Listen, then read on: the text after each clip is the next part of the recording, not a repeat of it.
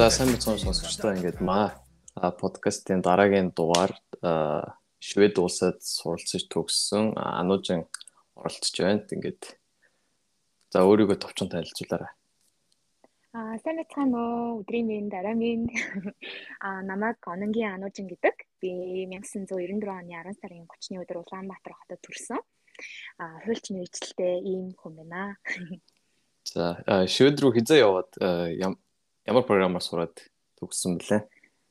Шведийн Малмö хот руу 2019 онд яваад тэгээд 2020 он гээд 20 он гэхэд бол төгссөн.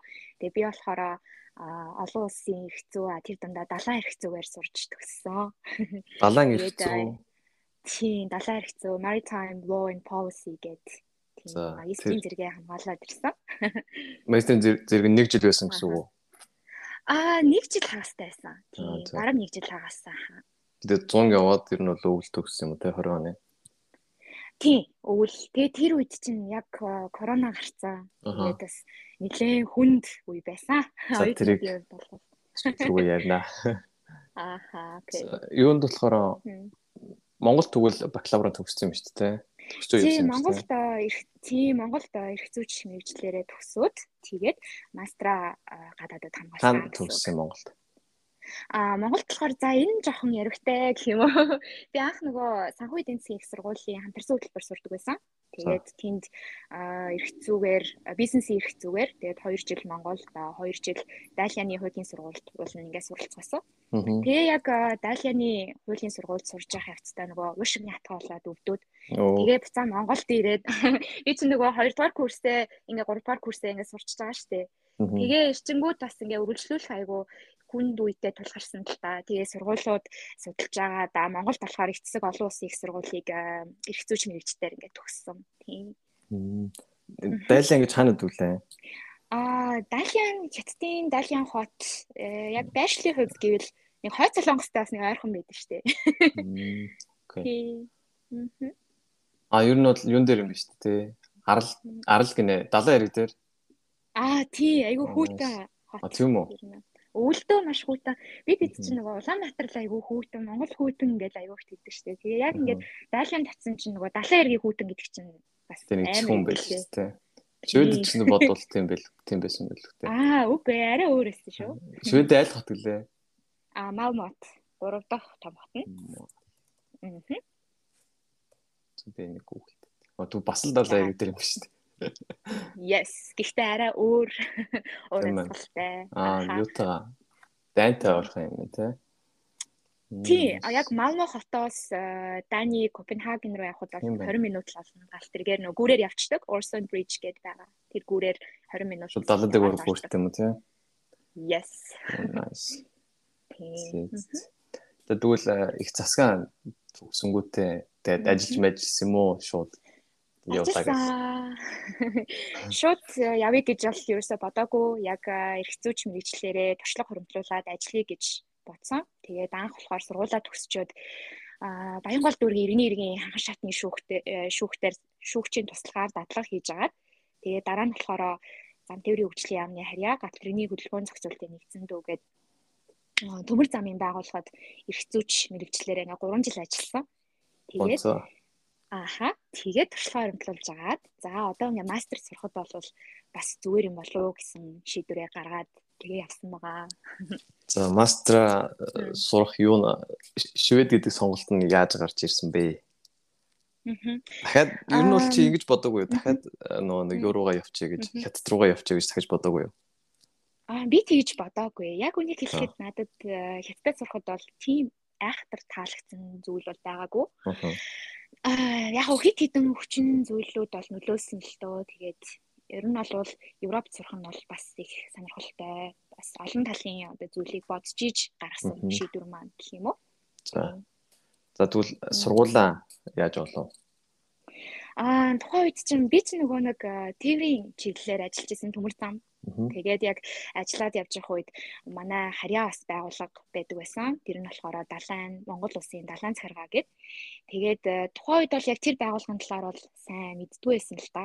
Уус байдаг байсныг ч мэддгүй байсан юм шиг Далайн царгаа гэж үүдэх юм Монголд. За хойлоо энийг дараагийн миний ажлын хэсэг дээр яриа заяа. Энэ бол маш сонирхолтой хэсэг. Анхудаас тийм Монголын нөгөө ус мусны л юу гэж сонсч байсан юм бас. Харин тийм. Тэгэхээр яг мэд тийм байгууллага байдаг байсан. Тэгээ яг Монгол улс бол хөлөг онгоцны нээлттэй бүртгэлийн үйл ажиллагаа явуулдаг. Тэгээ далаад гарцгүй мөртлөө далаатай холбоотой юм үйл ажиллагаа явуулдгийг бол би мэдчихсэн.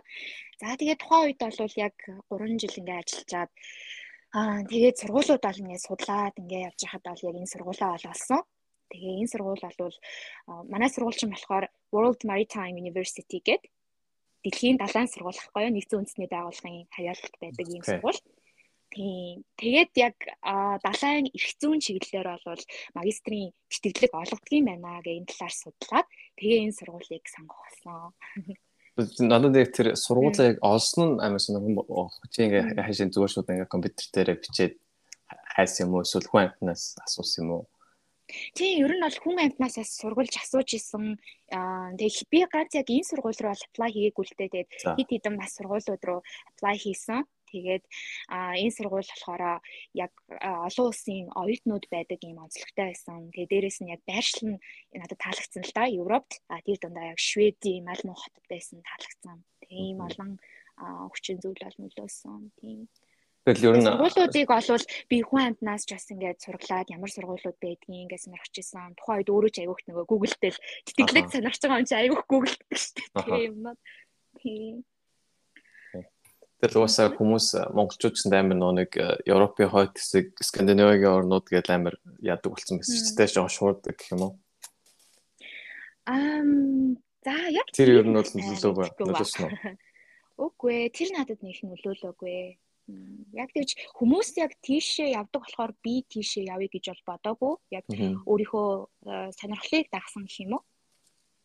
Тэгээд э, одоо ингээд хүмүүс э, Европ гэлтэхээр одоо их нь миний мэдж байгаа бол ингээд за Парис явъя, эсвэл Герман явъя гэдэг ч юм уу нэг Лондон, Мондон гэл нэг тиймэрхүү хотууд байдаг шүү дээ. Тэгээд одоо миний хувьд чинь би Малмо гэдэг хотыг сонсч байсан ч гэсэн яг ингээд сонсоход ингээд шууд дахин дотор бууж ирэхгүй байхгүй юу?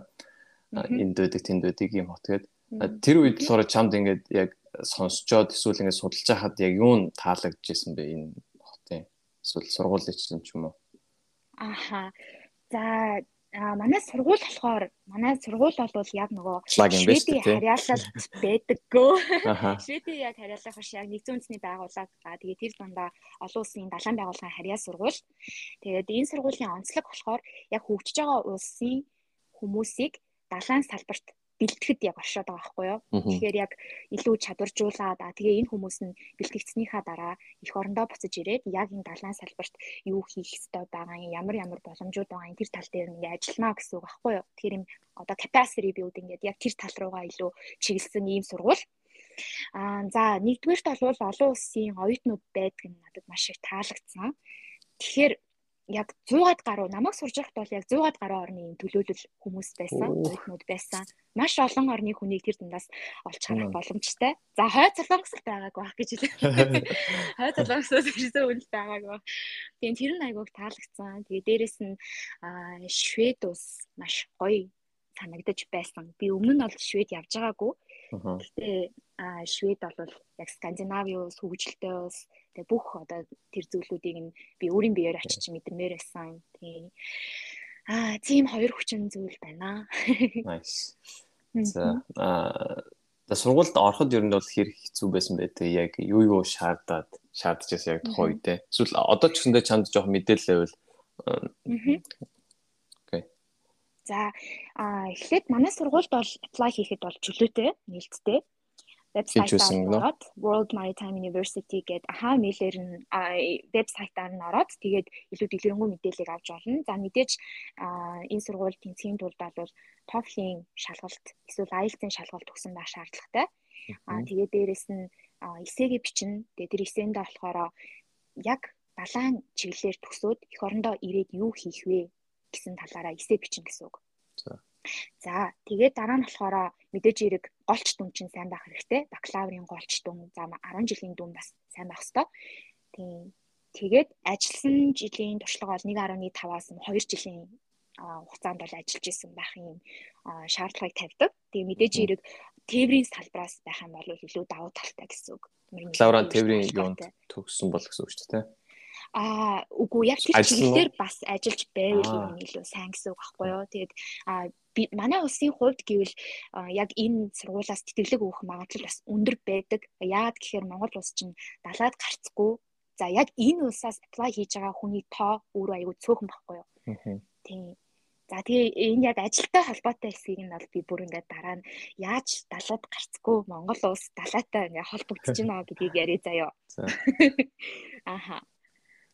Энэ чи юу талаас нь судалж үзсэн үү ингээд бакалавраар энэ сургууль руу чи явж болт юм уу тэгвэл? Энэ сургууль болохоор яг бакалаврын түвшний сургууль бол явуулдаггүй магистр аа тэгээ доктор ахгүй юу. Энэ хоёр дээр явуулдаг гэсэн үг тийм. Тэгээд хичээл нь бол шууд англи хэлээр орох юм байна шүү дээ очивол тий. Тийм, хичээл нь англи хэл дээр орно. Чи хизээ apply хийж исэн бол тэргээ санаж байна уу? 2019 оны 2019 оны 1 сараас эхлээд apply хийсэн тийм. А тэгвэл ер нь гэтээ чиний хичээл чи эхлэх хугацаа нь болохоор 9 сар гэтээ чи apply хийхдээ бол 1 сард apply хийсэн гэсэн үг шүү дээ. Тийм аха. Угаасаа нөгөө apply хийж байгаа яг хугацаанд ир ахгүй юу? Ангараад яг 1 сар 3 сар apply хийж байгаа. Тэгвэл одоо яг хэвээ сонирхож байгаа хүүхд байх юм бол ингээл 12 сар 1 сарыг ер нь хүлээгээл яж байгаа юм шүү дээ. Тийм үү. Хэлнийхээ оноонуудыг бэлдээл. Тэгээ хэлнийхөө оноог бэлдээд а тэгээ дээрэс нь би яагаад нөгөө тээврийн салбарт бас ажиллаж байвал зүгээр вэ гэж хэлсэн гэхээр ажлын газраасаа ажил олгогчийн тодорхойлт гэсэн зүйлийг авдаг байхгүй. За энэ хүн 1.5-аас 2 жил сурч явах хугацаанд ямар ямар ажил хийдэг байсан, ажлаа хэр сайн хийдэг байсан тий. За энэ хүсэл эрмэлзэл энэ тухайн хүний онцлогийг нь гаргаж ирсэн тийм ажил олгогчийн тодорхойлт бас хэрэгтэй гэсэн үг. Наад чинь бол давгүй л гэсэн тодорхойлт ч тий. Захирлаас чинь баг. Тийм. Тэгэхээр давгүй гэсэн тодорхойлт авахын тулд бас сайн ажиллах хэрэгтэй л дээ гэхгүй. Аа англи хэлний оноо ер нь хэд байхад чи орчно гэж бодож байна. Эсвэл юу нь яг хэд үдийнх нь минимум Rhode Island University-д бол TOEFL 90-с дээш авахд бол орно. Хангалттай орно гэж бодож байна. Тийм. Тэгээд хажуугаас нь нэг reference letter эссе энтер нь хамаарх нь шүү дээ. Гэтэ ер нь бол 90-с доош бити аваарай гэж. Аа 90-с доошоо за 90-с доошоо авж байгаа тохиолдол гарч ирлээ гэж бодъё. За 90-с доошоо авах юм бол А гэхдээ яг шууд тэр оноотой бас хамаарахгүй л дээ. Одоо тэтгэлэг олгогч, тэтгэлэг өгж байгаа юм байгууллагууд бас байгаа хгүй юу? Жишээлх юм бол миний надад тэтгэлэг өгсөн байгууллага бол Sasakawa Foundation гэдээ байгаа. Sasakawa-гийн сан гэдэг Японы. За зарим нь болохоор нөгөө нэг ITF гэдэг нөгөө Seafarers далаачдын тийм байгууллага байдаг байхгүй далаачдын эрхийг хамгаалдаг. За ITF-с бас ингээ олгож байгаа. За зарим нь болох юм бол өөрсдийнх нь улсаас бас олгох тохиолдлууд байдаг. Тэгэхээр материалаа явуулаад үзэнгүүт нэгнээс нь хариу ирнэ гэсэн үг байхгүй юу? Тийм. А тэгээ яг аха аха сургуультанд би ингээд аплайд шүү дээ одоо чи нэг хэснэ тэр вебсайт руу ороод ингээд хамгийн маа SMS-ийг өгөнгүүд тэрнтэй чи ингээд хамт чи тэтгэлэгтэй аплайд чинь гэсэн үг юм уу чи тэтгэлэгтэй тусдаа аплайд тусдаа юм уу хамтдаа аплайд чинь гэсэн үг аа ингээд яг нэг бүх юмнуудаа бүгд нэг юм сабмит хийгээл тий сургуулийнхаа одоо имэйл хаяг байгаа. Тэрн рүү submit хийгээд тэр нь цаашаагаа ингээд potential тэр донорууд руу явуулна гэсэн үг. Окей. Хэд чамаагүй нэг юм foundation руу явуул тэгээд тэднээс аль нэг нь чамааг accept хийх юм бол тэгэл чи тэтгэлэг авах нь шүү дээ. Тий. За тэгээд TOEFL-ийн 90-с доошоо авсан хүн байлаа гэж бодъё. За энэ 90-с доошоо авсан хүн байх юм бол за энэ хүн нь apply хийгээд Тэгээ Сасакавагаас за тэтгэлэг авлаа гэж бодоход энэ хүнд нэг боломж өгөн тэр нь юу вэ гэхээр зуны бас ингээд сургалт 3 сарын сургалтанд хамрагдаад англи хэлээ дээшлүүлэх бас юм боломжтой байдаг. Арай жоохон доош авсан хүмүүсийн хувьд гэвэл. Тийм, ийм боломж бол байдаг. Тэр нь бас тэтгэлэгтэй гэсэн үг үү? Түлхүү. Яг тэрийг бол би сайн мэдгүй байна. Гэтэ тийм хүүхдүүд бол байсан. Би бол би болохоор яг нэг гэж юу. Тий, тэгээд 9 сараас эхлээ хичээл орсон болохоор яг тэрийг бас айхтар асууж байгаагүй юм байна. Та нар өөрөө өөрсдийгөө төлбөрөө болгосноо эсвэл донор ч нөө гэж асуугаагүй. Тэгээ хариу нэг дурл ярьчих юм уу эсвэл дараа нь ярилцлага өтер гэж байгаа юу? Ярилцлагын үе шат гэж бол байгаагүй. Тийм. Тэгэл ерөөс материал дээр үндэслсэн. Хариу нэг хэдэн сард ирсэн? Харин 3 сард. Тэгэл шууд визэнд ороод. Аа тэгээ визэнд орох айгүй хэцүү байсан л та нөгөө Шведийн элчин чинь Монгол байхгүй шүү дээ. Аа за. Тэгж явсан уу? Руу яваад тэгээд Бэж яваад. Яа, бэж явсан. Тэгээ буцаж ирсэн байж за одоо виз чинь гарчлаа гингүүтээ буцаж яваад нөгөөхөө аваад гэсэн юм болсон шүү дээ. Аа бэжэндээ байж байгаад виз аваагүй юм тэгж удсан юм уу те?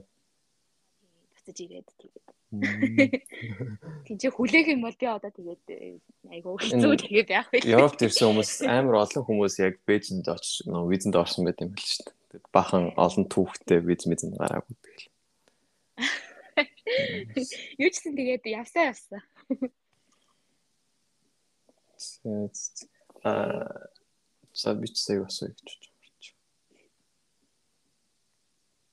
байна. А тий чи юунд 9 сард ингээд шууд шууд юунд очив юм уу? Шведэд очив юм уу? Ер нь яаж тийшээ явсан юм? Амжилт амжилт хэсэгтэй. Аа за тийшээ явахдаа аль болох хямд зардлаар очих тийм төлөвлөгөөтэй байсан л ба. Энэ зардлаа бол нэг айхтар тэгж шууд нислэг мислэг тийм юм ба судлаагүй. Тэгэхээр би болохоор Монголоос Бээжин хүртэл нисээд Бээжингээс Чиндүү гэд хот байгаа Сичуамужийн. За тэр хот руу нисээд тэндээсээ Копенхагны аэропорт руу очоод тэндээсээ нөгөө нэг хурдны галт тэргэндээ суугаад тэгээ Малмо хотод очсон гэсэн үг. Аа. Анх очоод э, яг ямар санагдав? Эсвэл Копенхагенд очиход ч юм уу? Ер нь Европ тэр хавьд очивол. Аа, Копенхагенд очиход надад бүр айгу гоё санагцсан. Ингээд бүх юм айгу өөр. Тэгэл надаа юм болгоно сонирхолтой санагдсан шүү хүмүүс нь нь тэгэл үйлчлээ. Нөө галт тэргэнд суугаад суухад ер нь ямар байсан. Гэтэ яг хятад бас зөндөө байдаг л ахalta тий. Аа. Хурны галт тэрэгтэй яг тийм амар урт гүрээр явж махуд ч юм уу. Тийм шал ирээдүйд очсон юм шиг ч юм уу амар гоё санагдчихсан шүү дээ. Яг ингээл гал тэрэн суугаад ингээл айгу ингээл гүүрэн дээгүүр явангууд тэр үзэгдэх орчин бол амар гоё санагдсан. Тэр цаг амар гоё. яваад аха. Тэр далаа чин юуны балтын далаа үстэй ер нь бол тий. Тэгсэн. Тий. Аха. Тэгэхээр нислэгийнхаа зардлыг бол чи өөрөөсөө гаргаж очсон гэсэн үг юм шүү дээ. Тэтгэлэг авсан ч гэсэн дээ. Зөвхөн Малмо руу очих зардлыг би өөрөөсөө гаргасан. Тэгээд бусад одоо сургуулаа төгсчөөд их орн руугаа буцах зарлыг бол манай донор гаргасан. Тэр дундуура чи Монголд л ирч чадаагүй юу? Аа Монголд ирэх гэсэн их бодол байгаагүй л дээ. Уусан нэг жил ирч тийм жил хагас байхад бол нэг заавал Монголд ирээд ах шаардлага бол байгаагүй. Харин яг тэр өвлийнхөө амралтаар илүү Европын улсуудаар аялах ч юм уу те үзэж харах юм айгүй их байсан л та. Тийм заавал нөгөө мөнгө үрээл Монголд ирээл буцаж яваад ах юм шаардлага бол байхгүй шүү дээ. За юу ч малмад ер нь бол амьдралын юуны өртөг мөртөг хэр өндөрөөс мэдээ нэг авчихсан тэтгэлэг нь ер хангалттай байсан юм шүү байсан юм шиг сонсогч та зөв үү? Тийм, тэтгэлэг маань бол хангалттай. Яг хоолндоо зохицуулаад тэгээд явхад бол ямар ч асуудал байхгүй. Тэгээд манай тэтгэлгийн нэг онцлог гэх юм бол замын зардал одоо гэвэл автобусны тэр карт хүртэл орчдөг байсан байхгүй юу. Тэгэхээр наашаа цаашаа явхад бол ямар ч асуудал байхгүй. Тийм тэгээ яг өөрөө зөв менежменттэй байх юм бол тэр мөнгийг бол бүх зүйлдээ хүргээд бараг сейвинг үүсгэж боломжтой. За. Тэгвэл тэр нь яг хэд юу биш бол аа 5200 крона. Яг нийт Аа. Сарынх нь ахгүй юу? Аа тийм. Даад тэглэг нь Ингээд 1.5 жил турш дүүргэлжлэн гэсэн үг шүү дээ. Тий, тэгээ сар болгон одоо стипенд аваад тэгээд тэрүүгээрээ болгоно гэсэн үг байхгүй юу. Тэгээ яг нөгөө Европ сурж байгаа нэг одоо энийг яг суралт тал гэхүү гэхгүй юу. Юу ч гэсэн нөгөө ажиллаж бас болдоггүй байхгүй юу. Одоо ялангуяа Шведэд яг сурж байгаа бол яг сурна. Эсвэл яг ажиллаж байгаа хүн байх юм бол яг визээ ажиллахаар гаргасан бол ажиллана ч гэдэг юм уу. Тэгэхээр би ингээд өөр газар жишээ нь би кофе шопт ч юм уу ямар нэгэн газар ажиллах юм боломжгүй. Тийм. Чанд юм юу байгааг юм те ингээд одоо 7 хоногт 20 цаг маг эсвэл ажиллаж болно шүү энэ гэсэн чинь байгааг юм те бүр огт ажил. Аа тийм ажиллах угаасаа ямар ч боломжгүй. Тэрийг бүр манай сургуулаас хүртэл харуулж хэлж байна. Чи над юугаа крон шүдэ кроныг евроор шилжүүлээд өгдөө. Хит алхам болоо. 5200 крон гэсэн үү? 500 евро юм ба шүү. Тэр нь бол ойролцоогоор. Тий, ойролцоогоор 500 евроараа хүрэх нь үү гэж гисэн тэр хавцаа болж байгаа. Бараг л тань. Тэгээд энэ дээрээсээ чи байрныхаа төлбөр байрны төлбөр тусдаа цаанаасаа бас ингээд зохицуулагдсан байгаа. А байр чин үнгүү чамд ирсэн юм байна шүү дээ. Тий. Тэгвэл 500 евро бүр хангалттай юм шүү. Хангалттай тий. Ингээд цацсан юм шүү. Тэгэж Швед ч бас хүмүүс хүмүүс нь үнэтэй шүү дээ. Үнэтэй тий. Тий үнэтэй. Гэхдээ яг нөгөө бусад Скандинавийн орнуудтайгаа харьцуулбал бас гайгүй. Одоо нөгөө хамгийн үнэтэй чинь Норвег Норвег. Норвег Норвег. Норвег даан хоёртой харьцуулахад бол гайгүй. Тий. За Копенгагийн залуучууд маалнууд ирж хүнсээ цуглуулдаггүй баг нэг тийм яриа сонсогдсон шүү. Уух юм аамж мавдаг шүү. Шведэд чинь нөгөө алкогол архины төрлийн бүтээгдэхүүнүүд аяга үнэтэй байдаг байхгүй юу? Тэгээд Шведэд болохоор дан руу явж тэрийг аваад а дан дан хүмүүс болохоор швед руу ирж хувц цанараа аваад ингээд одоо 20 минут л явд юм чинь тий. Тэгдэг гэж сонссон. Яг тэгж байгаа хүнтэй ч тараагүй л дээ гэж. Барин дотор байр юм уу цанаас нь Дотор байр. Тэгэд өрөөндөө ганцаараа яв. Өрөөндөө ганцаараа. Тийм. Малмаа хотод монголчууд байсан юм ер нь чи. Би монгол үнтэй таараагүй шүү дээ. Монголчууд байдаг гэж бол нэг сонссон гэхдээ айгүй цөөхөн баха ер нь бол. Тэнд нэг солонгос ресторан ажиллаулдаг монгол хүмүүс байдаг гэдэг би найзуудаа дагуулаад за тийшээ явж үзье юм үзье эдэргээл тэгж ярьсаар байгаа л тэгэл очив. Юу ч атсан бол таарах байсан гэлээ. Бага газраа баг дээ. Тэгэл тэгээд юм шиг. Бага газраа нэг сайн үзэхгүй өөр газруудыг болохоор сайн үздэг. Та одоо мастерт ингээд сурахад ер нь бакалавраас яг ер нь ямар ямар байв тентийн тэр нөгөө боловсролын систем энэ нь бас өөр байгаа шүү дээ профессор энтрүүд нь. Аа. Тэгээ шүүдэд байрлаж байгаа ч гэсэндээ ер нь багш нар ханах их байх юм. Бас олон улсынх. Одоо жишээлх юм бол манай Швед багшж байгаа. Тэгээ бүр Венесуэл багшж байна, Филиппин багш байна. Аа тэгээ дээрэс нь Дани улсаас ирсэн. Мозамбик багш байсан уу? Аа, мас тэр багш байгаагүй тий. Тэгэл ер нь бол олон улсын багш нар олон улсын оюутнууд айгүй тийм diverse айгүй тийм орчиндайсэн гэсэн үг тийм. Чи хүссэн улсынхаа хүнтэй найзлж мэдлэх юм шүү дээ. Тий, би Ираны хоёр охинтой айгүй сайн найзсан шүү дээ. Айгүй хөөрхөн. Ер нь тэгэл яг олон улсын оюутнуудтай байгаа тийм газрууд бас янз бүрийн зүйл суртал юм хэлээ л дээ. Саялаас нь хэлээл. Тэгэл тэр хүмүүстэй бас яаж харцах уу гээл тэгэл Швед э, яг хүмүүс ер нь ямар ч санагдсан. Яг локал хүмүүс нь залуучууд ч юм уу. Надад айгүй гоё санагдсан. Ер нь бол бусдын хувийн орон зайг хүндэлдэг. Тэр нь бүр үнэхээр таалагдсан. Тэгээд аа дээрэс нь айгүй тийм нэг үжилхийн зөв амьдралын хэмнэлтэй. Жишээлх юм бол гоё спортоор хичээлдэг тий. Тэгээд ер нь л ингээд амьдралынх нь хэмнэл нь зөв эмгцэгцтэй тийм санагдсан шүү дээ. Тэгээд айгүй гоё ингээл хуцалтай замраатай ч юм шиг тий. Тийг санагцсан. Тэгээ цаг барьдаг. За шведүүд бол цаг барьдгаараа бол нилээд алтартай. Германчуудтай харьцуулахад ямар нь бол мэдэхгүй. Гэхдээ амар цаг барьдаг. Герман японочдын дараа л дараа орно гэж. Дараа орох уу харин төрүүлэх үү мэдэхгүй. Гэхдээ урд нь гарах нь би нөгөө инлэгт цаг авчаад тэгээ яг нэг 5 минут хоцроод орсон чинь харин цуцлагдсан. Тэгээд бүр торгуул тавигдсан шүү дээ. Айгуу тийм цагаа барьдаг. Яг нөгөө 500 евроных нь Тэгэл таргуулийн хуудас таргуулийн хуудас бол манай тэгэл сургууль руу л ирж байгаа юм байна. Аа за за. За ануужаан хөрмөн. Тэгэл би за тэрнээс хойш би хизээч хацраагүй. Тэгэл дараагийн үйлчлүүлэгч орж ирэл тэгэл би чи чи бүр дараа өөр өдөр сонгох гээл тэгэл таргуултаа авчихсан доо. Чамд юу чи ер нь сургаж ер нь хэцүү санагдсан уу? Ингээд эсвэл төгсч мөксөж юм уу? Хүмүүс ер нь тэгээд чинь Европын сургуулийг ороход амархан төгсөж жоохон хэцүү энэ гэдэг ч юм уу? Надаа хэцүү санагдаагүй зүгээр сонирхолтой санагдчихсан. Тэг яг хэцүү гэхээр за хэцүү гэхээр одоо би нөгөө юу гэж хэлхий яг миний сурж исэн сэдв бас айгүй шинэлэг байсан л да. Яг далаа гэхээр эний чинь бүр яг ингээд анхан суураас нь эхлээд ингээд ингээд ингээд заагаад явж байгаа. Тэгээ тэр дунд бас мэдхгүй зүйлүүд ингээ зөндөө гарч исэн. Гэхдээ тэр болгонд нь юу гэдэг найз нөхдөсөө багш нараасаа ингээл асуугаал тий. Ойлгохгүй байна гэдгээ шууд илэрхийлээд а илэрхийлэнгүүтээ тайлбар аваа явж исэн болохоор бас харцангуй гайгүй байсан гэж бодож байна. Тэгээ манай сургууль болохоор одоо юу гэдгийг яг background өмнөх өмнө нь далайн чиглэлээр сурж исэн ажиллаж исэн хүмүүс бас айгүй их байсан баггүй. Жишээлх юм бол хөлөг онгоцны ахмадууд, за далайчид тий Яг сурж байсан сурагчид сурагчид дундаас гэсэн үг үстэй тий.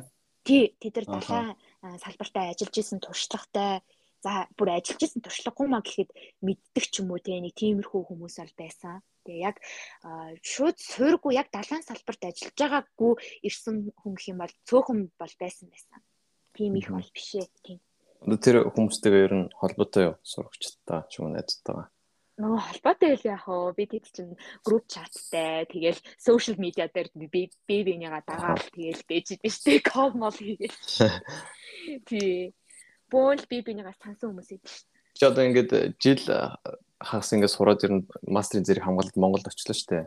Аа. Тэгтээ чи одоо тэрнээс өмнө бол мэдээж ингээд бас Монголд нэг юм ажил ажиллаад ингээд бас тодорхой хэмжээнд ингээд нэг амьдралаа аваа ингээд явж исэн байсан шүү дээ. Энэ яг жил хагасд сурснараа яг ингээд чанд ямар ийм дэвшил гарваа ингээд буцаад Монголд очиход аа сурж идэг юу гэдэг ажиллаж идэг байж дээ ч юм уу эсвэл тиймэрхүү бодол огт байгаагүй юу? Тиймэрхүү бодол төрөөгөө. Тэгээд би угаасаа яг сурч мэдчихээд аа тэгээ энэ сурснаа хэрэгжүүлээд одоо ажиллаж байгаа болохоор надад амарч тийм өө энэ одоо хугацаанд би өөр юм хийж болох байсан штэ гэж огт бодоагүй. Тэгээ мэдээж ирэх хүн ингээд гадаад сурж байгаа бас зөвхөн одоо юу гэдэг академик бодосрал гэхээсээ илүү нөгөө өөр ертөнцийг үзэх үзэл бас тэлэн л дээ. Ямар үзэлтэй болов? Аа тэгэхээр чин одоо би сая хэллээ шүү дээ тэр наад захын цаг барихын ач холбогдлыг. Аха. За энд 5 минут хоцороход юу ч болохгүй тийм үү?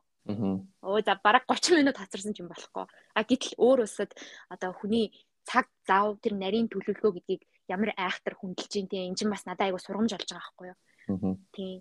За тэгээд дээрэс нь шведүүдийн хувьд бас бид рүү хэлсэн шүү дээ би биэндээ айгу хүндэтгэлтэй ханддаг гэдэг Жишээлх юм бол ингээл наад зах нь ингээ хүний биед хамаагүй одоо хүрхгүй те за зай барих гэл хамаагүй ингээл хүн рүү бас тэг ширтээд байдаг штэ зарим хүмүүс.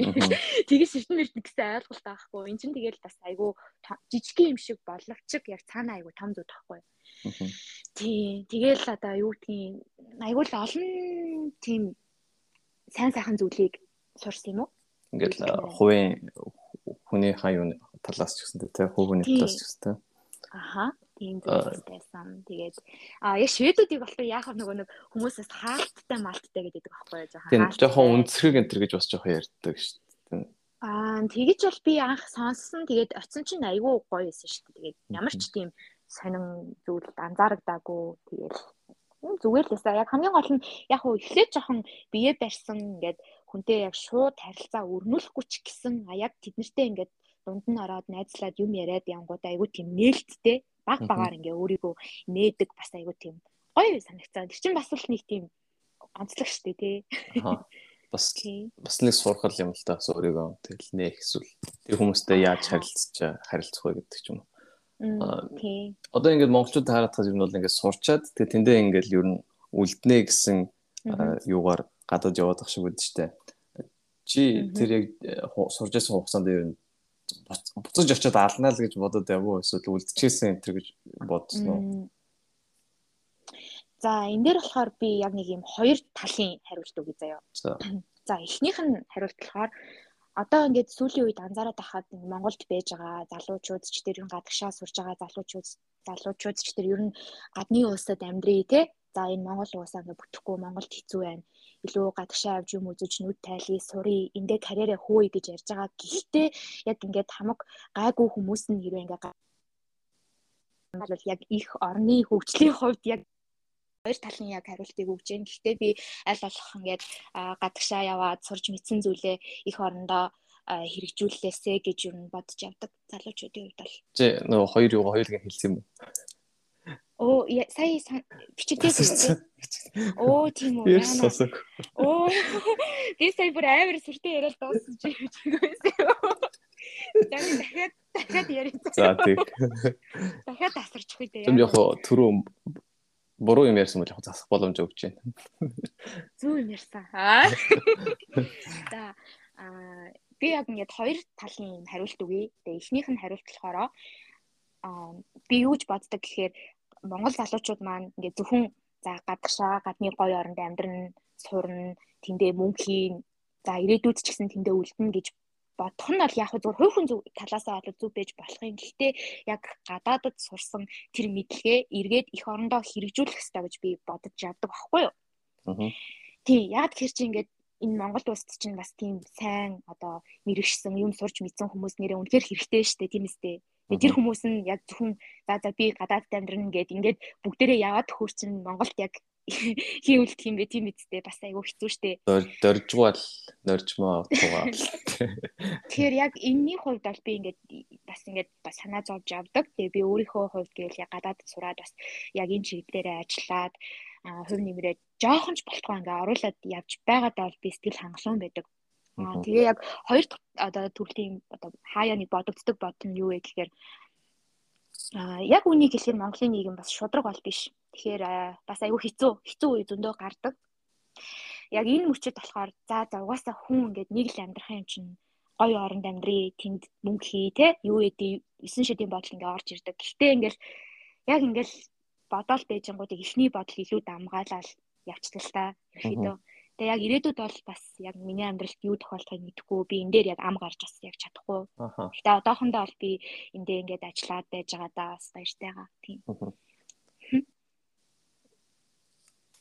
Би нэг бас юм ингээ анзаарсан анзаарсан гэж тэ одоо ер нь сүүлийн ингээд 2 жил ч юм ингээ ковид үе мөс ахвал ингээл монголч зөндөө ингээл амар ер нь талцлаа штэ ингээ гадаад амьдэрдэг эсвэл Монголд байдаг гарууд нь ингээ хоорондоо. Тэгээд нөө тийм сэтгэлдлүүд ч юм ингээ амар олон харсан л та ингээд нөө жаргал хөгөөж явцсан мовцсон гэдэг ч юм уу. Тийм юунууд зөндөө байдаг штэ. Яг ковид үеэр бол чи чанд юу ямар санагдчихсан бэ? Угсаа танаа хичээлчсэндээ бас онлайн бол болсон байлгүй дээ. Сүүлийн семестрүүд бол онлайнаар. Аха. Тэгээд одоо тэнд ингээд хаалттай байх үед ингээд за харий гэсэн чи ингээд харьж болохгүй байхад ч юм уу эсвэл э, тэр үед юу нь ямар байна? Мм яг Шведэд ковидын үед ямар байсан бэ зүгөө тийм чи болохоор ингээд Шведэд байгаа штэ. Аха аха. Тэгээд хизээ харьж болох нь мэддэхгүй эсвэл тэндээ ингээд үрд байх нь мэддэхгүй. Тэгсэн чинь ингээд нэг хитэн гарууд болохоор хувьдаа ингээд наадам заадам хийгээд л яваад байдаг ч юм уу би яг үнийг хэлэхэд энэ дээр айхтар юм бодоогүй. Надаа бүр тийм айхтар бодол төрөөгөө. Гэхдээ яг нөгөө шийд чинь бусад улсуудтайгаа харьцуулахад бол харьцангуй нээлттэйсэн шүү дээ. Бизнес юу л ажиллагаа зогсоогаагүй, тий, ер нь чөлөөтэй ингээл зарчиж марчаад айгу тийм байсан. Тэг яг нөгөө энэ швед хүмүүсийн онцлог л байна л да. Шведүүд ч ер нь альва зүйл тийм огцон сэтгэл хөдлөлөөр ханддаггүй айгу тайван байдаг тийм хүмүүс аахгүй юу? маш тайван. Тэгэхээр яг энэ ковидын үед авсан энэ арга хэмжээ нь өөрөө яг за нэг зарим хүмүүс бол ингээл ковид ингээл алдаал маш олон хүн ковид туслаа. Зарим нь бол яг үнэндээ бол ингээд швед шиг байх хэрэгтэй байсан бүх зүйл гэл ингээл ярьж штэ тий. Тэгээ миний хувьд бол нэг тийм байсан. Тэгээ харцангуй чөлөөтэй байсан. Тэгээд гэр бүлийнхэнтэйгээ яриад ингээд сонсоод байхад Монголд айгу тийм сандралтай л байсан л гэж сонссон шүү дээ тийм. Тэрнээс би айхтар яг дүгнэлт мөнгөлт бол нэг хийгээгүй тэр үед. Аа. Гэр мөрийнхэн ч одоо миний хүү ир мэр гээгүй юу гэхгүйсэн. Угаасаа ирэх гэсэн ч Монгол руу явъя гэсэн ч тэр боломж байгаагүй. Тухайн үед чинь нөгөө оюутнуудаа авахгүй тэгэл ингээд хайр улсад хайцсан байсан шүү дээ. Тэгээд би яг ковид гарангууд угаасаа тийм зүйл болно гэж бодоод тэгэл эртнээс нөгөө захиалга махалгаа өгөөл тэгэл хөөцөлцчлээсэн л та. Тэгэл бүтэхгүй болгоомод нь заа. Тийм тэгэл хүмүүсээ авахгүй тэгэл бас нэг ковид ноёдтэй хүн байх юм бол онгоц монгоцондоо суулгахгүй үлдээж мүлдээ гэх юм айгүй муухай л хэлсэн дээ Монголын талаас бол тэгээд Тэг би би ч үл Стокхолм руу 21 оны 11 сард явсан баха. Тэгэхэд ингээд октомаск засахгүй ямар ч 20 мориг болцсон. Тэг Гэтэ тэр нэг ковид үед айгүй хэцүү байсан дээрээс нэг найзаалгаж болохгүй. Найзаалган гол нэг хөөжтэй биш. Яг тийм болсон байсан шүү дээ. Яаж яах нөгөө юм чи айгүй саний штэ. Автобус автобусанд явж байгаагаад найзаалгах гал. Зүгээр явж явах найзаалахгүй. Юунд ч юм уу? Лифтэнд ч юм уу юу? Тий, лифт лифтэнд явж байгаагаад хавар мавар захтнаа л ёо гэж бодоод. Тэр чи ер нь туссан юм уу? Юунд? Хоёр удаа туссан штэ бүр. Хаан туссан? Монголд ирээдээ. Тэгээ би нөгөө саяхан хэлсэн юм аягүй сонин гэд. Тэгээ ингээл нөгөө нээлттэй маск зүүхгүй явж ийсэн ямар ерөөсөө ковид тусахгүй. Яг Монголд ирээд маск зүүж байгаа л тассан да би. Амар аваач байгаа. Харин тийм тэгж байгаа л яасан яасан штэ аягүй сайн нөө. Би ер нь л тэр үеэс хойш бол ингээ Монголд бүр амар онцгой санагдаад хүмүүс нь ч гэсэндээ Тэгэл. Одоо маск зүүхгүй байгаа шүү дээ дах баяа. Тийм тийм баг би бас өвөл авсан л доо. Тэгтээ тэр дундуур бас би бас а за. Тэг масктай холбоотой заяа. Би нөгөө тэгээ 21 он ингээ гарч байгаа шүү дээ нэг сар болоо. За. Тэгээ би явж исэн чинь Монгол төвчл явж исэн чинь нэг хүн амар муухай хараад наа. Тэгээ яага муухай хараад байгаа юм бол ухааны бодсон чи маск зүүгүйсэн юм билээ л дээ. Чи юу. Би ч нөгөө мэдгүйс аах маск заасгүй юм шүү дээ. Муухай хараад баймдаа хараад болохгүй тэгэхээр өө энэ маск зүүхстэй юм шүү дээ гэж. Чи яг тэр нэг амар юугаар нь байсан Монголд байсан юм уу? Амар хоригоор нь нөгөө супермаркетуудын тэр там ав таадаг. Мм. Тэгэл хорооноос өөр тийш явж мууч болохгүйс шүү дээ. Тэгэхээр яг тэр үедээ 21 оны 1 сар, 2 сар, 3 сар тэр чин бараг 21 оны 6 7 сар хүртэл үргэлжсэн шүү. Тэгэхээр яг л байж л тарсан юм. Тэр үе бол амар өснө. Мм надад бол баг зэргийн тэртэй байсан. Гэхдээ би яг юу гэж батсан гэхээр яг бизнесийн үйл ажиллагаа эрхэлж байгаа тэр хүмүүст ямар хүндрэлтэй байсан болоо гэж бодсон. Аа тийм тий. Тэр хүмүүс чинь энэ чинь бүхэл ингээ амьдралынхаа туршид хөдөлмөрлөж босгосон юмыг нь зүгээр хааж хаяал бас хитрхий тийж амар арга хэмжээ авах нь өөрөө зөв байсан юм уу гэж бодсон. Тийм. Энэ бол үнэхээр нөгөө сэтгэл хөдлөлтөөр тулгуурласан ийм шийдвэр гэж би өөрөө бодсон л доо. Ер нь бол Гэтэ энийг хүн болгон янз бүрээр хүлээж авах. Зарим нь бол ковидын тархалтыг зогсоосон гэх байх. Зарим нь бол тэгэл хэцүү шүү дээ. Тэр нь бол зогсоо үг нь ер нь бол тодорхой үстэй уусаал Монгол ер нь бол тэргүүлжсэн үстэй нэг хэсэг. Тий. Тэгэхээр ч одоо яг юуны юуны төлөө гэж тийм үү. Тий. Надад болохоор тэгж л бодчихсон ингээд одоо Монгол ингээд дэлхийд бахархдаг юм нь ингээд газар нутагчтай ер нь бол одоо байгаагаар бол амар том өргөн удам тал мал гэл тий. Түүх. Аа. Тийм. Тэгэл 100 одоо ингээд за өвөл ингээд ковид гарсан. Тэгээ нэг 100 ингээд нэг 100-ны 3 сар ингээд амар дулаахан Монголд наалгаар ямар гоё байдаг үлээ те. Тэрэн дээр ингээд нэг нэг аймгийн нэг юм жижигхэн хэсгийг аваад нэг хэдэн гэр бариад тэгэл нэг монголчуудыг гаднаас ирэнгүүд нь тэндээ тусгаарлаад тэгэл хот руугаа оруулдаг ч юм уу. Тиймэрхүү юм амар изи арга хэмжээ одоо авчиж чаддаггүй тэгэл надад тэрэн дээр бол амар дутуул ажилласан юм шиг санагдав тийм муу ажилласан юм шиг. Тэгэл нөө хажуугаар нөө бизнесээ тэгэл эдийн засаг бас амар унгацсан. Тэр нь бол өөртөө нөгөө буудал муудалд тусгаарлаж байгаа ер нь бол алдсан шүү дээ. Хэсэг бол нэлээд сайн явж байгаад тий. Би чинь Шведээс ирчээд 2 7 хоног э, Сүнжин гранд гэж очиж буудал тусгаарлагдсан шүү дээ. 2 7 хоног. Тий. Тэний өмнө чинь болохоор хүмүүс 3 7 хоног тэгээд дээрэс нь 2 7 хоног гэртээ мэдтэй. Тийм байсан. Би арай богиносгсон гэдэг. Тэр нэр бол. Тийм. Тийм тийм үнэн үнэн тэр арга хэмжээ бол айгүй тийм сэтгэл хөдлөлтөөр тулгуурсан арга хэмжээ байсан. Тэгээд бизнесийн үйл ажиллагаануудыг зогсоохгүйгээр үргэлжлүүлээд а зүгээр яг яг нөгөө зай барих маск зүүх өдр нь хэвэндээ байсан бол зүгээр юм болов л гэж бодсон да. За одоо болохоор ямар ажил хийж байгааг нэ? Одоо чиний ажлыг жоох яар. За тэгээ одоо болохоор Монгол Улсын далайн захиргаа гэж чиний огт сонсож байгаагүй тэр байгуулагт а далбааны эзэн улсын хинэн шалгагч болон бүртгэгчээр ингээд нэг зэрэг ажилладаг. Тэр тэнд чамаас өөр ажилладаг юм байт юм уу? Аа тэгэл яхаа. За ерөөдөө Монгол улс түүхэнд бол 1996 онд олон улсын далайн байгууллагын гишүүн улсаар орсон. За тэгээ энэс хойшоо 1999 онд далайн ашиглах тухай хуулийг баталж гаргасан. Тэгээд одоогор бол Монгол улсын 30 гаруй олон улсын гэрээ конвенцэд нэгдэж ороод тэгээ үүнийг ингээ хэрэгжүүлж байгаа.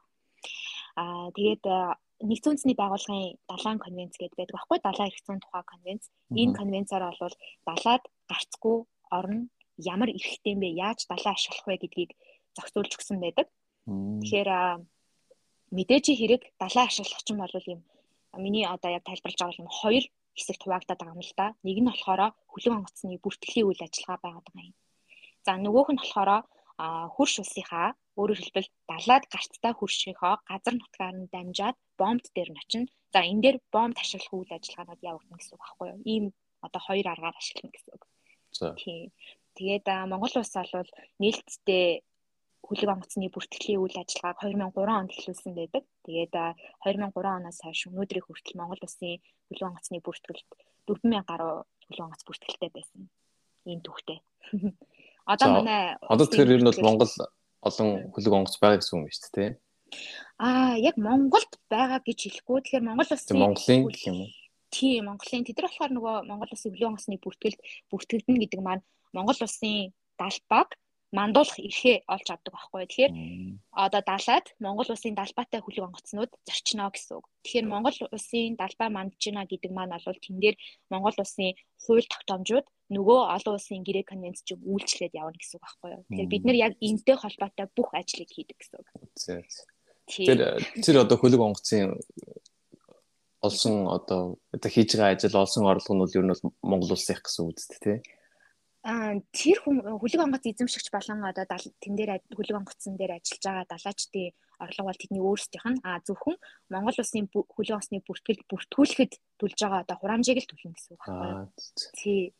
Ингэж тэгээд э, нэлээд бас сонирхолтой тийм ажил. Гэхдээ бас хүнд. Би нэг юм унсан байна. Хятадд байдаг лүү нэг юм Монголын нэг юм бомб дээр нь ч юм уу порт дээр ч юм нэг юм хэсэг газар байд юм шүү те Монголын харьяа гэх юм уу. Тэгээ ингээ ашиглаж болох уу гэх юм. За яг тэр газрыг аль сайн мэдэхгүй байна. Гэхдээ чиний ярьж байгаа бонд чинь Тинжин бонд хаад байна. За. Тэгээд тэр бондыг ашиглаад ингээ Монгол жишээ нь Америктай ч юм уу ингээд хөлөө онгоцоор далаагаар дамжаад худлаа 8 хийж болох нь шүү дээ тий. Мм тий ер нь бол боломжтой. Гэхдээ яг хүлэг онгоц эзэмшин гэдэг чинь бас айгүй том ойлголт байна л да. За тийм. За окей. Тэгвэл одоо яг Монгол тэр тэр хүлэг онгоцыг ч юм уу эсвэл одоо тэрэнд ингээд тэр бомб гэж юм ашиглаад яг тийм идэвхтэй хийж байгаа үйл ажиллагаа гэж байгаа юм уу? Аа за би яг бомб ашиглалт талаас бол яг бомб ашиглалт талаас бол яг дэлгэрэнгүй мэдээлэх боломж байна. Ерөнхийдөө яг би хүлэг онгоцны бүртгэл талаас илүү сайн чам дэлгэрэнгүй мэдээлэх боломжтой. Яг тэгэхээр би өөрөө нөгөө яг бүртгэлийг хариуцаад тэгээд хинэ шилжилт эдрийг хариуцдаг болохоор тийм бомб ашиглалт талаас бол би яг дэлгэрэнгүй бас боломжгүй байна. Тийм. Окей. Мм. Тэс дүүлтэл ингээд нэг хөлөг онгоц онгоцууд ингээд байдаг. Тэгээ нэг нэг юм хүний ч юм уу ингээд компанид ч юм уу тэгээ тэрнийх нь бүртгэл нь Монголд бүртгүүлсэн. Тэгэл тэндээс нь юм хураамж аваад байж байждаг гэсэн юм Монгол ер нь бүртгүүлэхтэй мэдээж хураамж авна. Тэгээ дээрэс нь хүлэг онгоцон дээр чинь маш олон төрлийн одоо гэрчлэгээнүүд те янз бүрийн зүйл байдаг. А тэрнтэй холбоотой гэрчлэгээнүүд дээр аль хураамжууд авна. Тийм зохицуулттай гэсэн үг байхгүй нэг юу юу таа жоохон адилхан биш те одоо чи Монголын дээгүүр ингээд тийм хүний айлын ингээд онгоц нэсгэд ингээд Монголд юу төлдөг энэ гэдэг шиг. Мм яг хөө тэгж гэж болох юм. Тийм.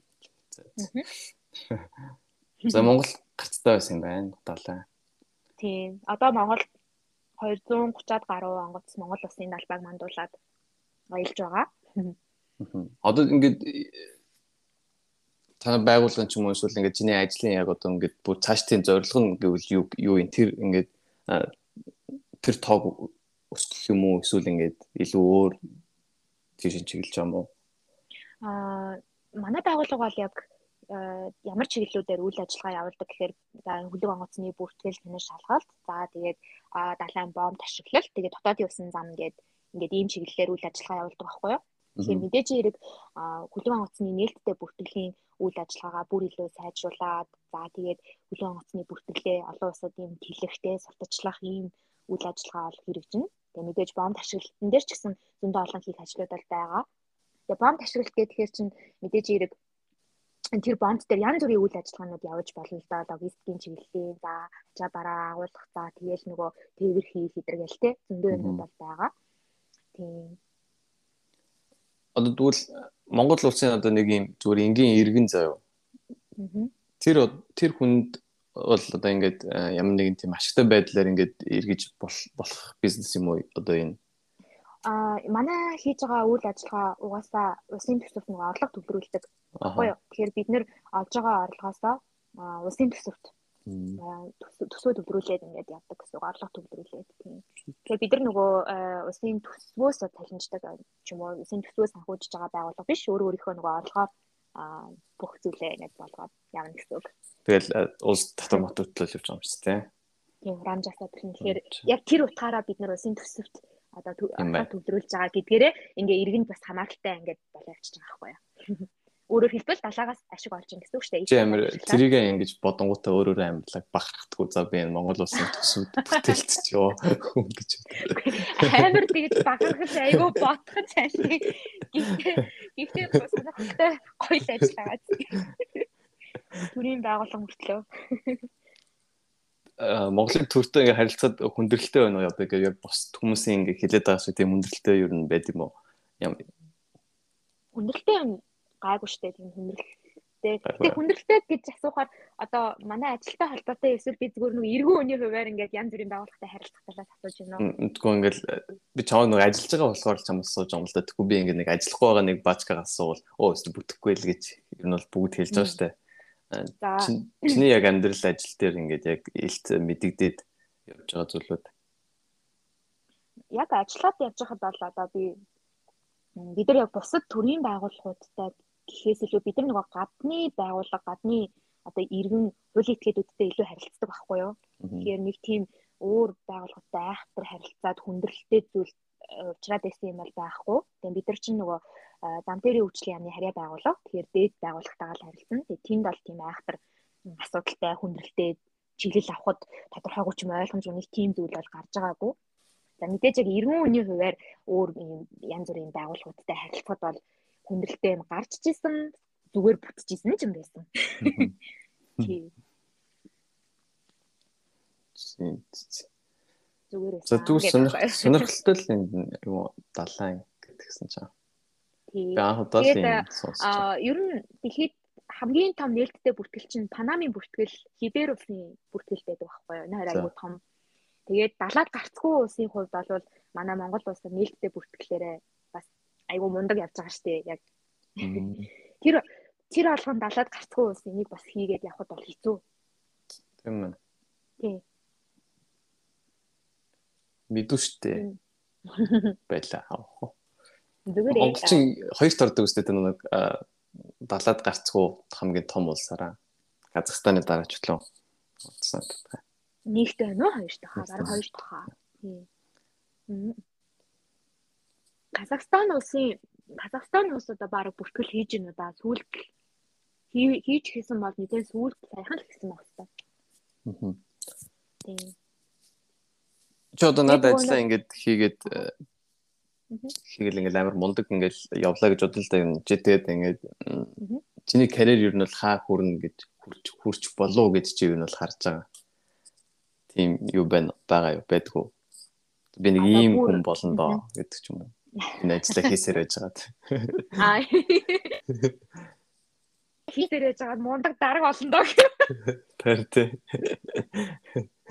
Юу чиний наад асуултанд хариулахад шууд хариулахад айгу юу юм байна л да. Хэцүү л байна л да. Яг би шууд дарга болно л гэж тий. Тий. Шууд тийм болно гэх юм байш. Тэгэхээр яг юу ч хэлж байгаа гэхээр одоо ч би ажиллаад нэг жил болж байгаа. Мэдээж хэрэг сурах зүйл маш их байгаа. Тэгээд яг тим юм болно, ийм ийм хүн болно гэхээс илүү яг энэ ажлаа хийж их явцад яг сайжруулах хэрэгтэй юмнууд бас айгүйх байгаа байхгүй юу? Тэгэхээр би яг юуны дөрөнд яг би тийм хүн болно гэхээс илүү яг сайжруулах хэрэгтэй урт ажлуудаа тэгцэлнээр юм л та. Тий. Хийх хэрэгтэй юмнуудаа хийгээ явж хахад. Тий, цаашаа ахаа ерөөхдөө яг шууд яг яг тэгж ойлгож бол болно. Тий. За. Тий. Зас ажил нэг юмрхүү. Далаа уйл гэхээр бас айгүй сонирхолтой. Тэгээд айгүй ховор. Яг энэ чиглэлээр яг төссөн хүн бас айгүй төөхөн. Монголд бол нэг яг далаа уйл тэр одоо тэр онгоцон дээр Монгол улсын хууль үйлчлэн гэж нэг тиймэрхүү юм хэлсэн үү? Yes. Одоо би чинь тэн дээр бол 17 настай хүүхэд хүн бол аригтаас хэрэгжүүлэхгүй нь шүү дээ. Чи 17 биш 20 той ч юм уу? Би наадах чи айгүй нөгөө нэг мэрэгжлийн талаас нь бодож модоод тэгээд манай Монгол улсын бүртгэл passenger ship бүртгэдэггүй гэж хэлчих гээд. Тэр нь бол зүгээр юм уу тэгэхээр? Тээврийн онгоц тэгээд дагасчльдаг онгоц бүртгэдэг байхгүй юу? Бүртгэдэг. Тийм. Нөгөө тээвэр, бараа тээвэр их гэсэн үг. Э, тий general cargo, oil tanker тэгээд өөр төрлийн онгоцууд ингээд бүртгэдэг. Тэгээд зарчууч тээврийн хүлэн онгоц яхаа бүртгэхийг болвол хуулаараа бол хоригдсан зүйл бол байхгүй. Гэхдээ бид нар эрсдлээ бодоод бол бүртгэхгүй байгаа. Айгүй аюултай л та жишээ нь тэр онгоц явж байгаад за юу гэдэг хөдөлгүүр ивдрээд далайн шуургатай холбоотойгоор ингээд живлээ гэхэд чинь тэр чинь маш олон хүний амь насны амь нас яригдсан тийм үү. Ер нь айгүй эрсдэлтэй л тэ passenger ship бол За загасчлах онгоц ч бас ер нь эрсдэлтэй дээ гэдэг аахгүй юу. За загсан дотор нь юу ч хийж магадгүй ч. Мм тэд нар яадаг гэхээр өөр улсын бүс нутаг руу ороод юм хууль бус загас агнуурын үйл ажиллагаа эрхлэх юм магадaltaй байдаг.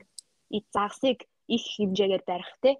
За эсвэл өөрсдийнх нь нутаг дэвсгэр биш газар очиж загасчлаа. Тэгэл айгүй хэцүү. Зүг зүг.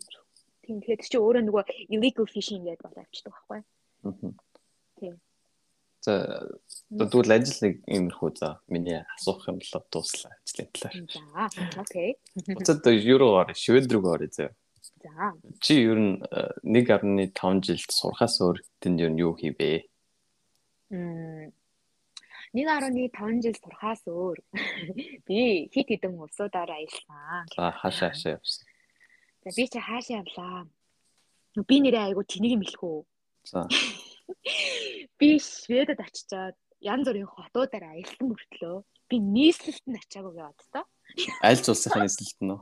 No no no зөвхөн Шведийн Стокгольмд очиагүй тэгээд би би би бүр амар сонио ингээд манай найзууд найзууд гэрийнхээ бүр амар гайхдаг 40 одоо Шведэд явчаад яа чи нийслэл рүү явахгүй бүр идэхтэй яа тийм бат. Ингээд би болохоор тэгээд за яах вэ?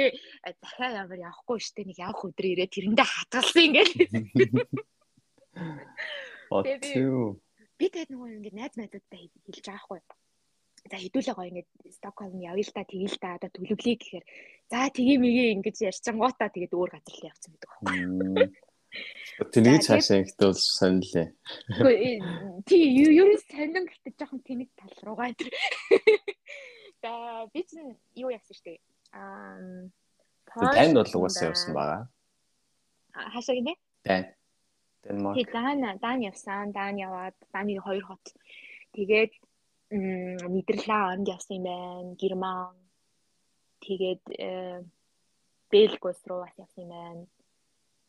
Уул нь манай ингэ бодоод исэн чинь ковид гараад би айгу тийм муухай үед нэг сурж таарсан л хэлээ л дээ. Уул нь манай сургууль чинь аа тийм field study хийдэг байхгүй юу? Тэгээд янз бүрийн улсууд руу ингээд авч аваад дадлагжуулах тийм юмнууд айгүйх байсан. Тэгээд нөгөө ковидоос шалтгаалаад бидэд явж чадаагүй. Тэгээ одоо боцсон чинь Япон явж чадаагүй. Тэгээд а энэ итгэд явж чадаагүй. Тэг зөндөө улсууд руу ингээд явах байсан. Бүх цуцлагдсан. За юм бүр үдгээр хавсан. Дахиад аплайд дахиад явна. Доктор мокторд тийм. Гүцэх гээд тэр нөгөө Стокгольм үүдсэн. Тийм тэгээд тийм боломжтой бол алдсан. Гэхдээ яг хөө тэгээд юу ч гэсэн стипендээ цуглуулж агаад тэгээд улсууд руу явсан явсан. Боломжоор явсан шүү дээ. Би өвөл ингээ Стокхолмд очсон чинь ийм эсэн байхгүй. Надад би нэг 4 5 хоног надад бүр амар хэцүүсэн заяа. Юу н хэцүү байсан бэ гэхээр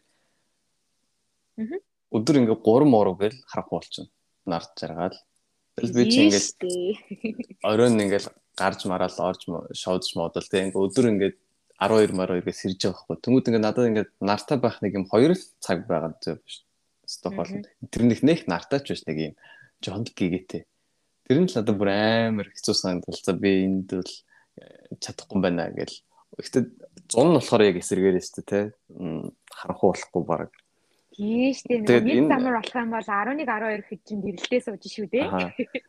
Энийг ер нь чи яаж хандл хийж яв?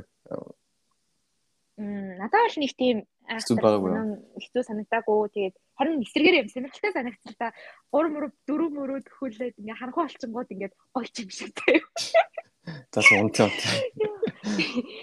Ийм өсвөр баг унтхан чи. Тэгээд яг 3 мөрөв 4 мөрөв гээд яваасаа гадаа харанхуй олчингууд ингээд гарч гудамж мудамжаар халхангуудаас айгу гоё штэ гэрэлтэй. Тэгээд тэр хавьд нь гоё ингээл кофе шоп мод орох юм бол ингээл нэг тийм гоё vibe, гоё мэдрэмж аваад надад нэг тийм сонирхолтой гоё санагдсан. Аа яг нөгөө амар олон жих яг тэгж амьдрахад тань ямар нөлөө үзүүлэхийг бол мэдэхгүй. Ер нь тэгээ шведүүд яг тэрэндээ бас өөрсдөө ч тийм дуртай биш юм шиг байлээ. Нажуу тийм шиг үлээ. 100 болонгууд л бүр амар ингээд балаа эрэг дээр хөвтэй бие шараад бүр 100 амар дуртай.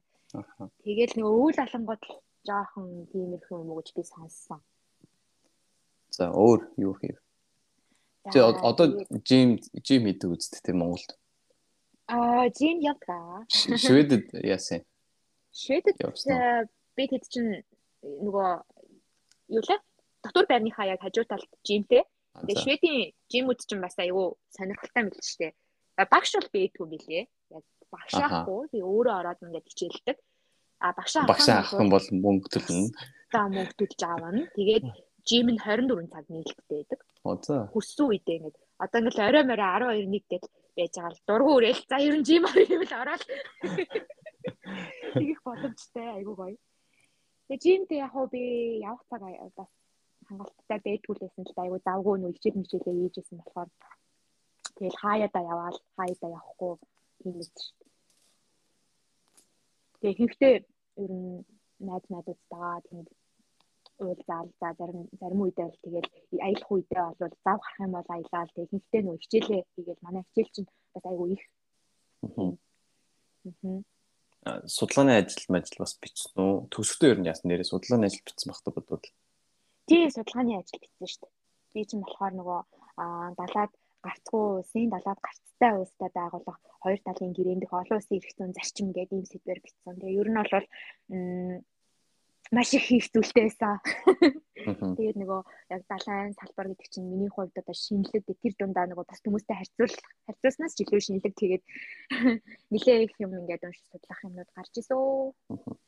За хоёр дахь миний шивэдэд анзаарсан юм гэвэл ааха Стокгольм нэг найзтайгаа очиод нэг клуб руу орох гэсэн чинь 23 наснаас дээш орох хэрэгтэй гээд. Оо 21 биш үү? Үгүй 23 байсан. Зүйл тэр юу тийм байсан болов? Тэр клуб тийм байсан байж магадгүй. Тэр нь бол 21 юм уу те? Тийм хаа 21-ээс тэр би ихтэй энийг яг баталгаатай хэлж чадахгүй шүү. Тийм. Тэгэхээр 23 хүрчиж арах үстэй гэдэг.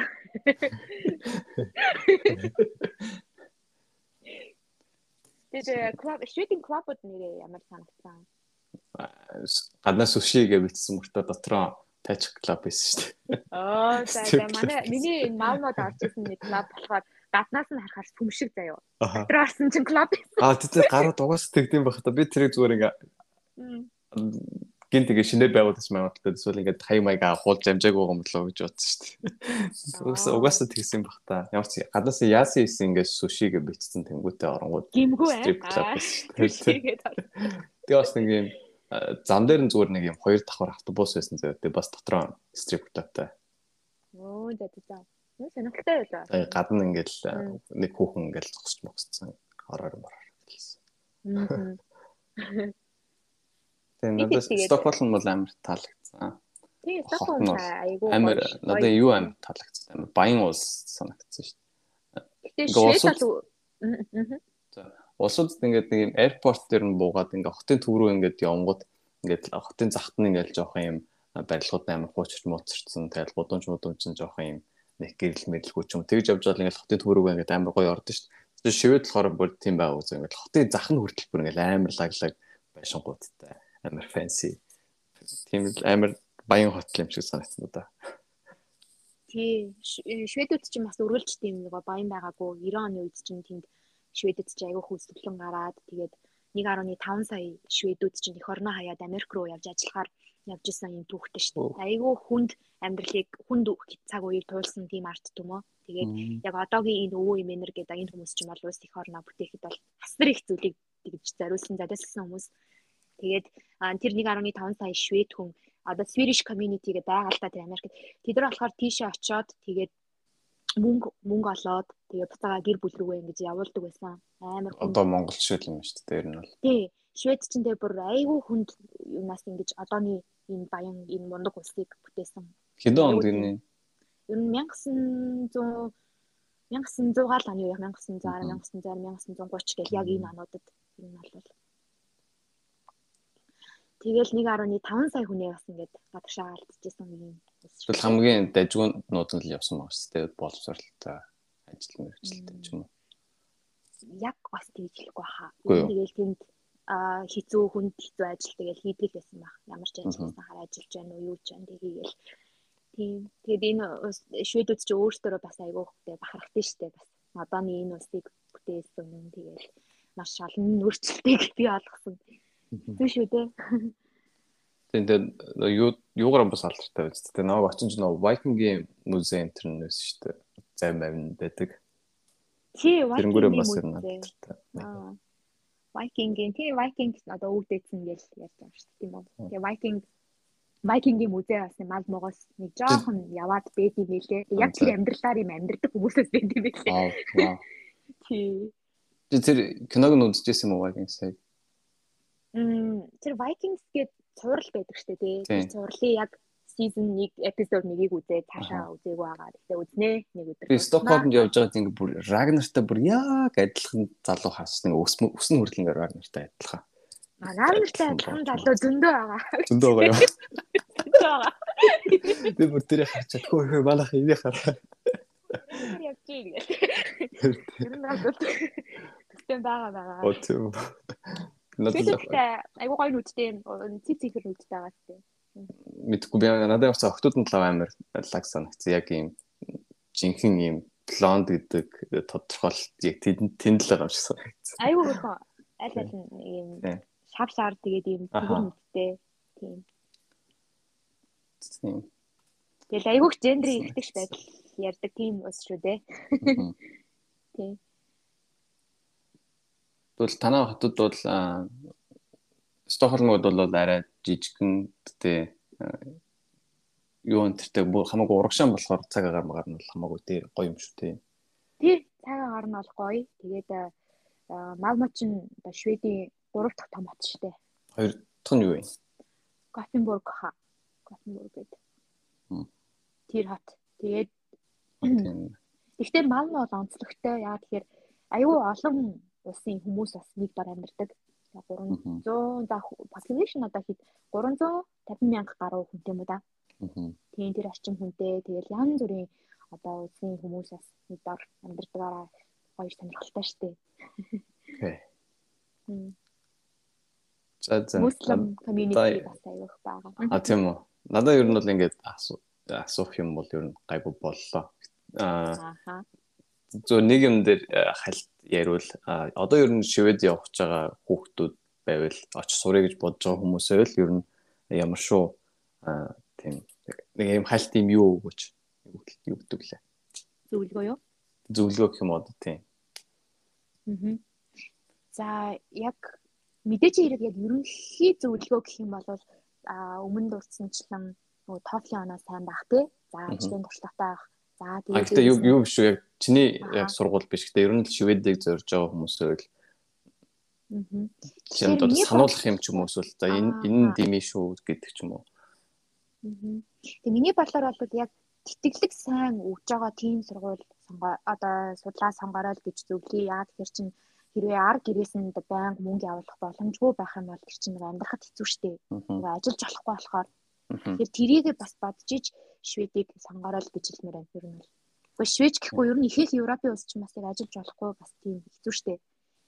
Тэгэхээр яг сургууль нь яг 100% тэтгэлэг өгдөг хангамж сайтай за эрүүл мэндийн даатгал хийдэг те гих мэдчлэн ийм хүчин зүйлүүдийг бодож үзээрэй гэж хэдэн зөвлөмөр байна би яг нөгөө танаас сургуулийг сургууль тийм байсан бол гэж жоохон бодоод байна. Ер нь бол ихэнх хүмүүс нөө юу яагаад гэдэг чинь 7 хоногт бол яг 20 цаг ер нь бол ажиллах хэрэгтэй л байгаа юм шиг санагдчих Европод. Европт бол яг сургууль ажиллах боломж бол хэцүү баха. Ялангуяа Скандинавид нарт бол ер нь хэцүү баха. А яг нөгөө Герман за тэгээд нөгөө Ирланд эднэр бас арай өөр гэж магадгүй шүү. Би тэр улсуудыг бол айхтар бол судалж байгаагүй. Тэгээд Скандинавд бол ер нь яг сурал сураад яриад ажиллах юм бол боломжгүй. За одоо би Норвег энтрийг бүр яг immigration юугаа зогсооцсон энтрийг сонссон шүү нэрэ. Аа.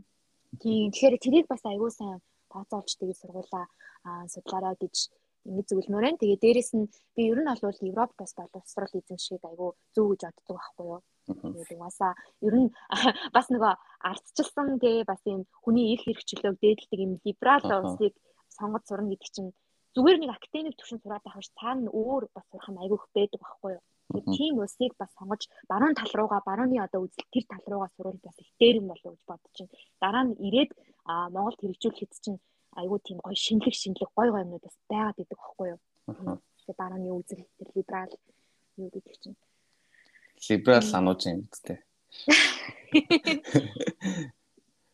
Яг хоо тэгээд э, Скандинавийн улсууд чинь бас яг либерал гэхээр нэ social democracy гэдэг те тэр зүйл тэр зүйлийг баримталж байгаа. Тийм үзэлтэй хүмүүс шүү те. Бүх юмд нээлттэй те. Э, хятадд ер нь ямар шүү санагдсан нэрэ. Хальт суун байна да. Далиан Дашвэ гэдэг энэ Далианы их сургууль гэдэг.